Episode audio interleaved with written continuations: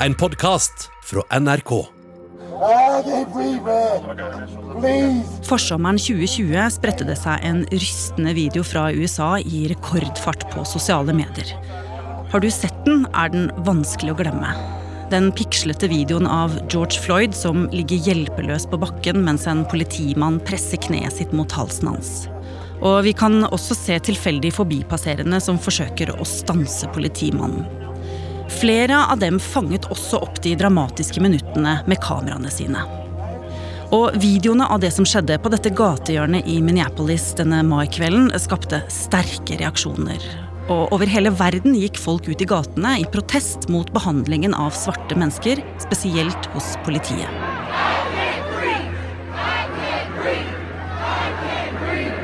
Og nå, ti måneder senere, i rettssaken mot politimannen som satte kneet mot halsen til George Floyd slik at han døde, er det nettopp de som stoppet opp den dagen, som er sentrale. Som brikker i et puslespill gir deres til tider følelsesladde vitnebeskrivelser et enda mer detaljert bilde om hva som skjedde da den 46 år gamle fembarnsfaren mista livet, enn det vi tidligere har visst. Men vil det de har å fortelle, få politimannen Derek Chauvin dømt?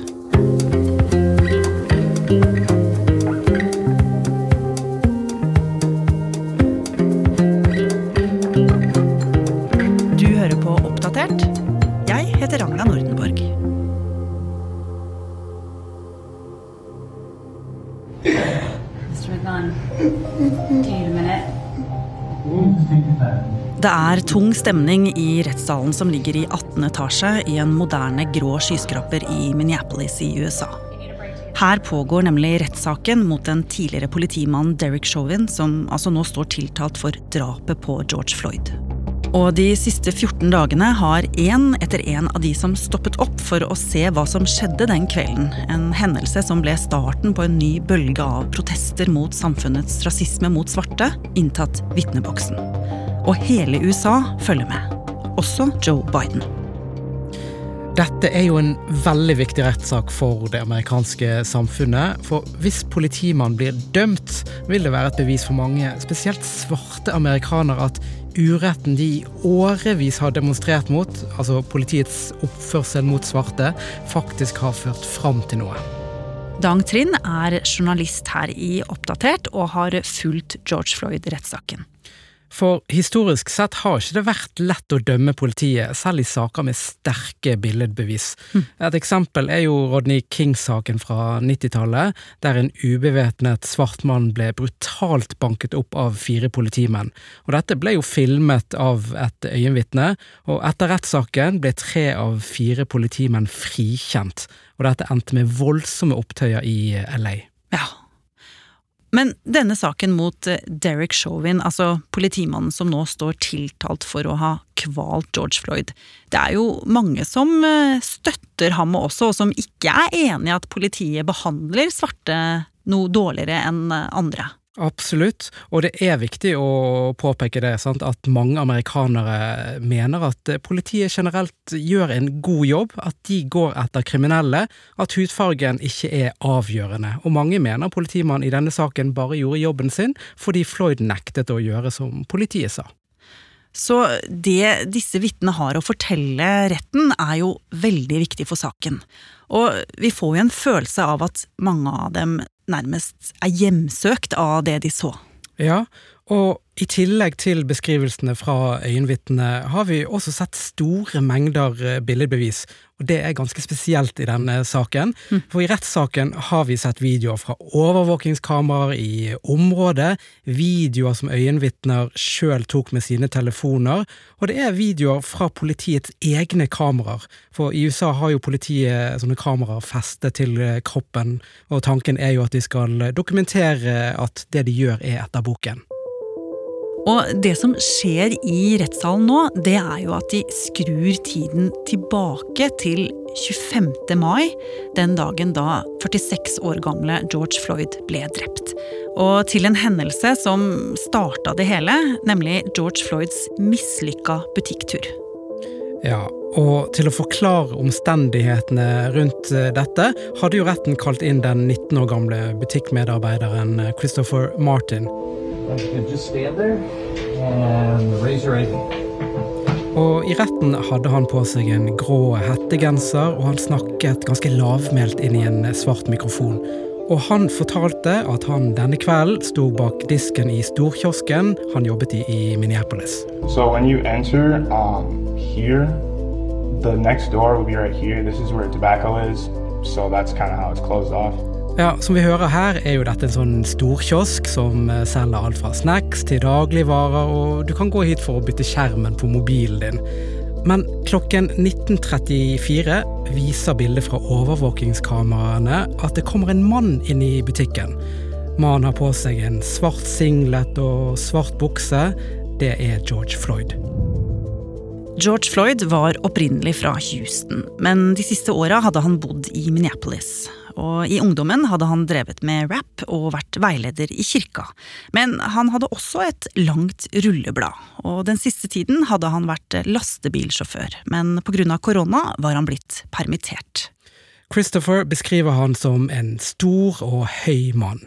Og Floyd går forbi en hylle med sjokolade og godteriposer, og det hele virker veldig hverdagslig. Sånn at de ansatte pusler med sitt bak kassen, spøker og ler med hverandre. Og George Floyd, hva var det han skulle egentlig? Altså, Christopher fortalte at den høye mannen surret litt sånn fram og tilbake, før han kom bort til disken og ba om å få kjøpe en pakke røyk. Og den betalte han eh, med en 20-dollarseddel. Og Christopher fortalte retten at han, han fikk en følelse av at uh, det var et eller annet rart, og han så på øynene til Floyd at han virket litt ruset. Det var noe med øynene. Men uansett, etter den lille handelen gikk Floyd ut av butikken, og det viser også overvåkingsbildene. Men så oppdager Christopher at det er noe merkelig med seddel han akkurat hadde mottatt.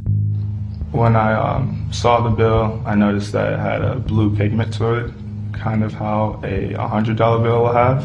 So I assumed that it was fake. Og Christopher sa i retten at han fortalte sjefen at det var noe rart med denne seddel, og sjefen skal da ha gitt ham beskjed om å gå ut og be Floyd, eh, som de kunne se sitte i en bil rett utenfor butikken, om å komme inn igjen og gjøre opp for seg. Og dette skal Christopher ha forsøkt å overtale Floyd til, uten hell. Og til slutt bestemte de seg for å ta grep. We um, told our manager that he still refused to come into the store. He instructed one of my coworkers to call the police. Og bildene fra overvåkningskamera som ble vist i retten, viser jo at eh, politiet etter ganske kort tid svingte opp foran butikken. Og vi kan se at de gikk mot bilen til Floyd, som sto parkert på andre siden av gata. Og fra politiets egne bodycams så kan man se at de tar på George Floyd håndjern før de trekker ham inntil en murvegg. Hey, man. Hey, hey, man. All right, what's your name? George. George? George Perry Floyd. George Floyd. Thank you. Man, was looking. I don't want no problem. Og så ser vi hvordan de da leder han over veien bort til politibilen, der de ransaker ham før de forsøker å få ham inn i politibilen. Men vi ser jo at dette ikke går så greit. Han gjør sterk motstand, og han sparker også mot politiet.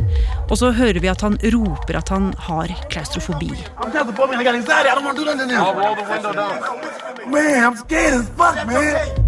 Og vi kan da se videre av bildene at tre politimenn i lyseblå skjorter ligger George Floyd i bakken eh, ved høyre bakdel av bilen. Og han ligger på magen med håndjernene på bak. Vi kan se hvordan den ene politimannen har kneet sitt på halsen til Floyd. Og det er jo politimannen som står tiltalt for drap i dag. Ja.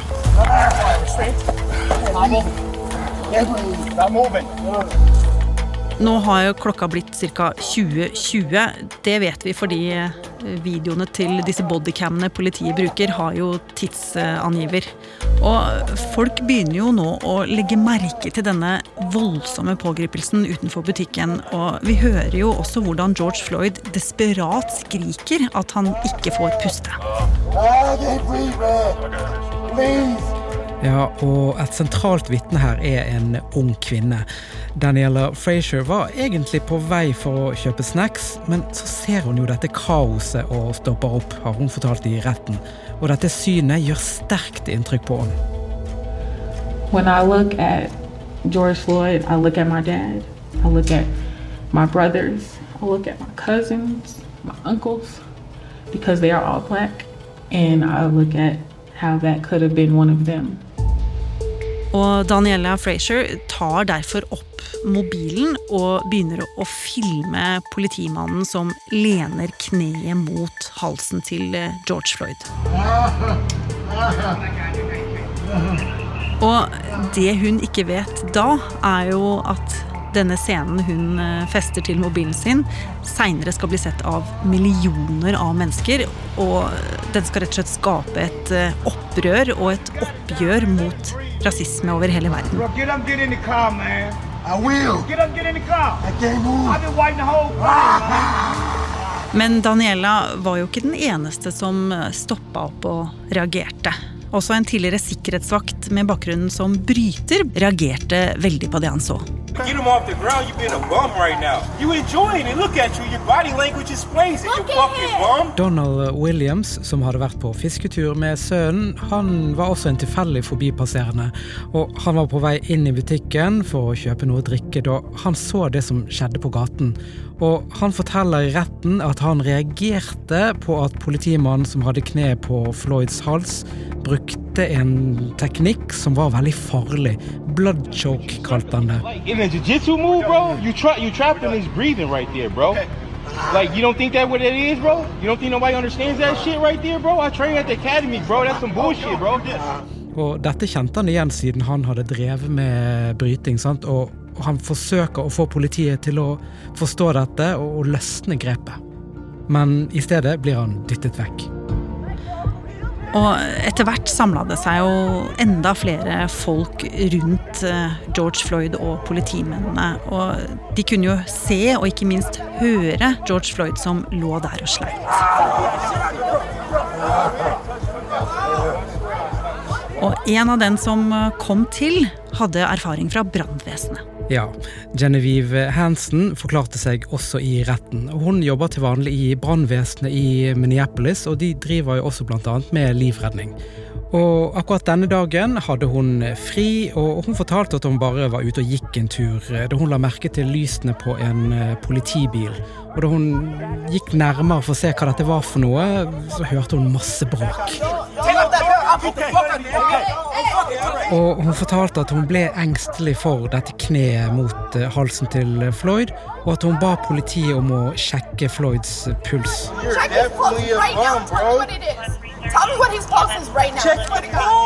Men hun sa at hun hadde fått klar beskjed fra politimennene om å ikke blande seg. Get up! Get out the street! Okay, then you. Get out the street. Og på dette tidspunktet, altså flere minutter etter at kneet ble satt mot halsen til George Floyd, så var det jo mange som tenkte at nå sto det virkelig om livet til denne mannen. Og de sier også at det var veldig frustrerende å ikke nå igjennom. Og nå begynte også de på nødsentralen som mottok telefonen fra butikkmedarbeideren å frykte det verste. Via overvåkningskameraene på gata kunne de nemlig sitte på kontoret sitt og følge pågripelsen. Did you see the screen change yourself? Yes, I saw the person's moving. So what did you start thinking at that point? My instincts were telling me that something's wrong. Ja, dette er Jenna Scurry, og hun forteller at hun først trodde at det var noe galt med skjermen, at den kanskje hadde frosset, fordi politimennene rundt mannen som lå på bakken, beveget seg eh, ikke, og det varte så lenge, men så skjønner hun at det er jo ikke tilfellet. Hun gjorde derfor eh, noe uvanlig. Hun ringte til en sjef i politiet for å varsle på politiet sjøl. No, you can call me a snitch if you want to, but we have the cameras up for 320's call. They got something out of the back of the squad, and all of them sat on this man. Og i flokken som fulgte dramaet på gaten utenfor butikken, var tonen nå helt desperat. Bro, For eh, mannen de ennå ikke hadde lært seg navnet på, og som hadde ropt over 20 ganger at han ikke fikk puste, lå nå helt i ro. Fremdeles med politimannens kne over seg.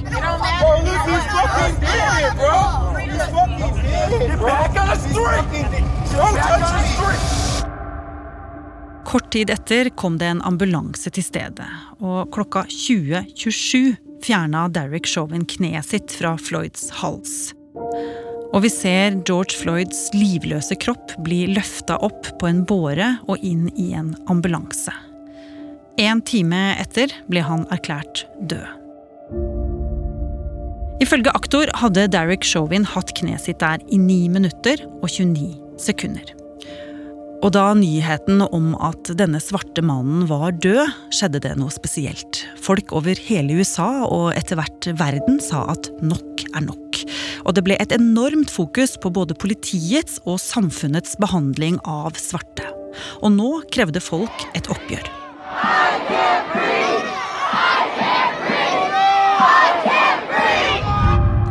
Og Daniela, kvinnen som altså var en av de første som fikk med seg hendelsen, og som filmet den, dro hjem og bestemte seg for å poste videoen på sosiale medier. Hun fortalte jo i retten Dang, om hvor mye hun har slitt i etterkant. Ja, og det er veldig tydelig at hun ikke har det bra. It's been nights. I stayed up apologizing to George Floyd for not doing more and not saving his life. Og dette gjelder jo også for han som påpekte at eh, seddelen var falsk, og som gjorde en sak ut av det. Og han hadde også behov for å snakke om hvor mye dette har preget han, og at han faktisk angrer på at de tilkalte politiet. Uh, disbelief and guilt. If I would have just not taken the bill, this could have been avoided. Ok. Nå er vi ca. to uker ut i rettssaken mot eks-politimannen fordi han mista jo jobben, eh, Chauvin. Og den skal vare i ca. én måned. Og hva skjer videre nå, Dang? Altså, Nå har vi jo hørt fra øyenvitnene, de som var der, og disse fortellingene har jo vært veldig viktige for aktor å få fram. Men det som blir spennende nå, er å se hvordan forsvarerne antageligvis vil forsøke å tone ned de sterke billedbevisene på at Floyd faktisk ble drept, ved å tegne et negativt bilde av George Floyd som ruset og kriminell. Og det er jo ubestridelig at eh, Floyd døde, og det kommer man jo ikke utenom, men de vil nok også så tvil om at det var politimannens kne som drepte Floyd. Ja, hvordan da? Hva, hva skulle ha tatt livet av han ellers? Eh, De kan trekke fram at han eh, hadde dårlig helse på grunn av rus, for eksempel, og at dette gjorde at han døde. Men uansett hva denne rettssaken ender med, kommer resultatet til å få store konsekvenser. Og har du lyst til å høre mer om denne saken, så anbefaler jeg siste episode av podkasten Krig og fred. Der snakker de annet med en tidligere amerikansk politimann som nå bor i Norge. Og vi i Oppdatert har jo også tidligere laga episoder som setter eh, hele denne saken inn i en historisk sammenheng.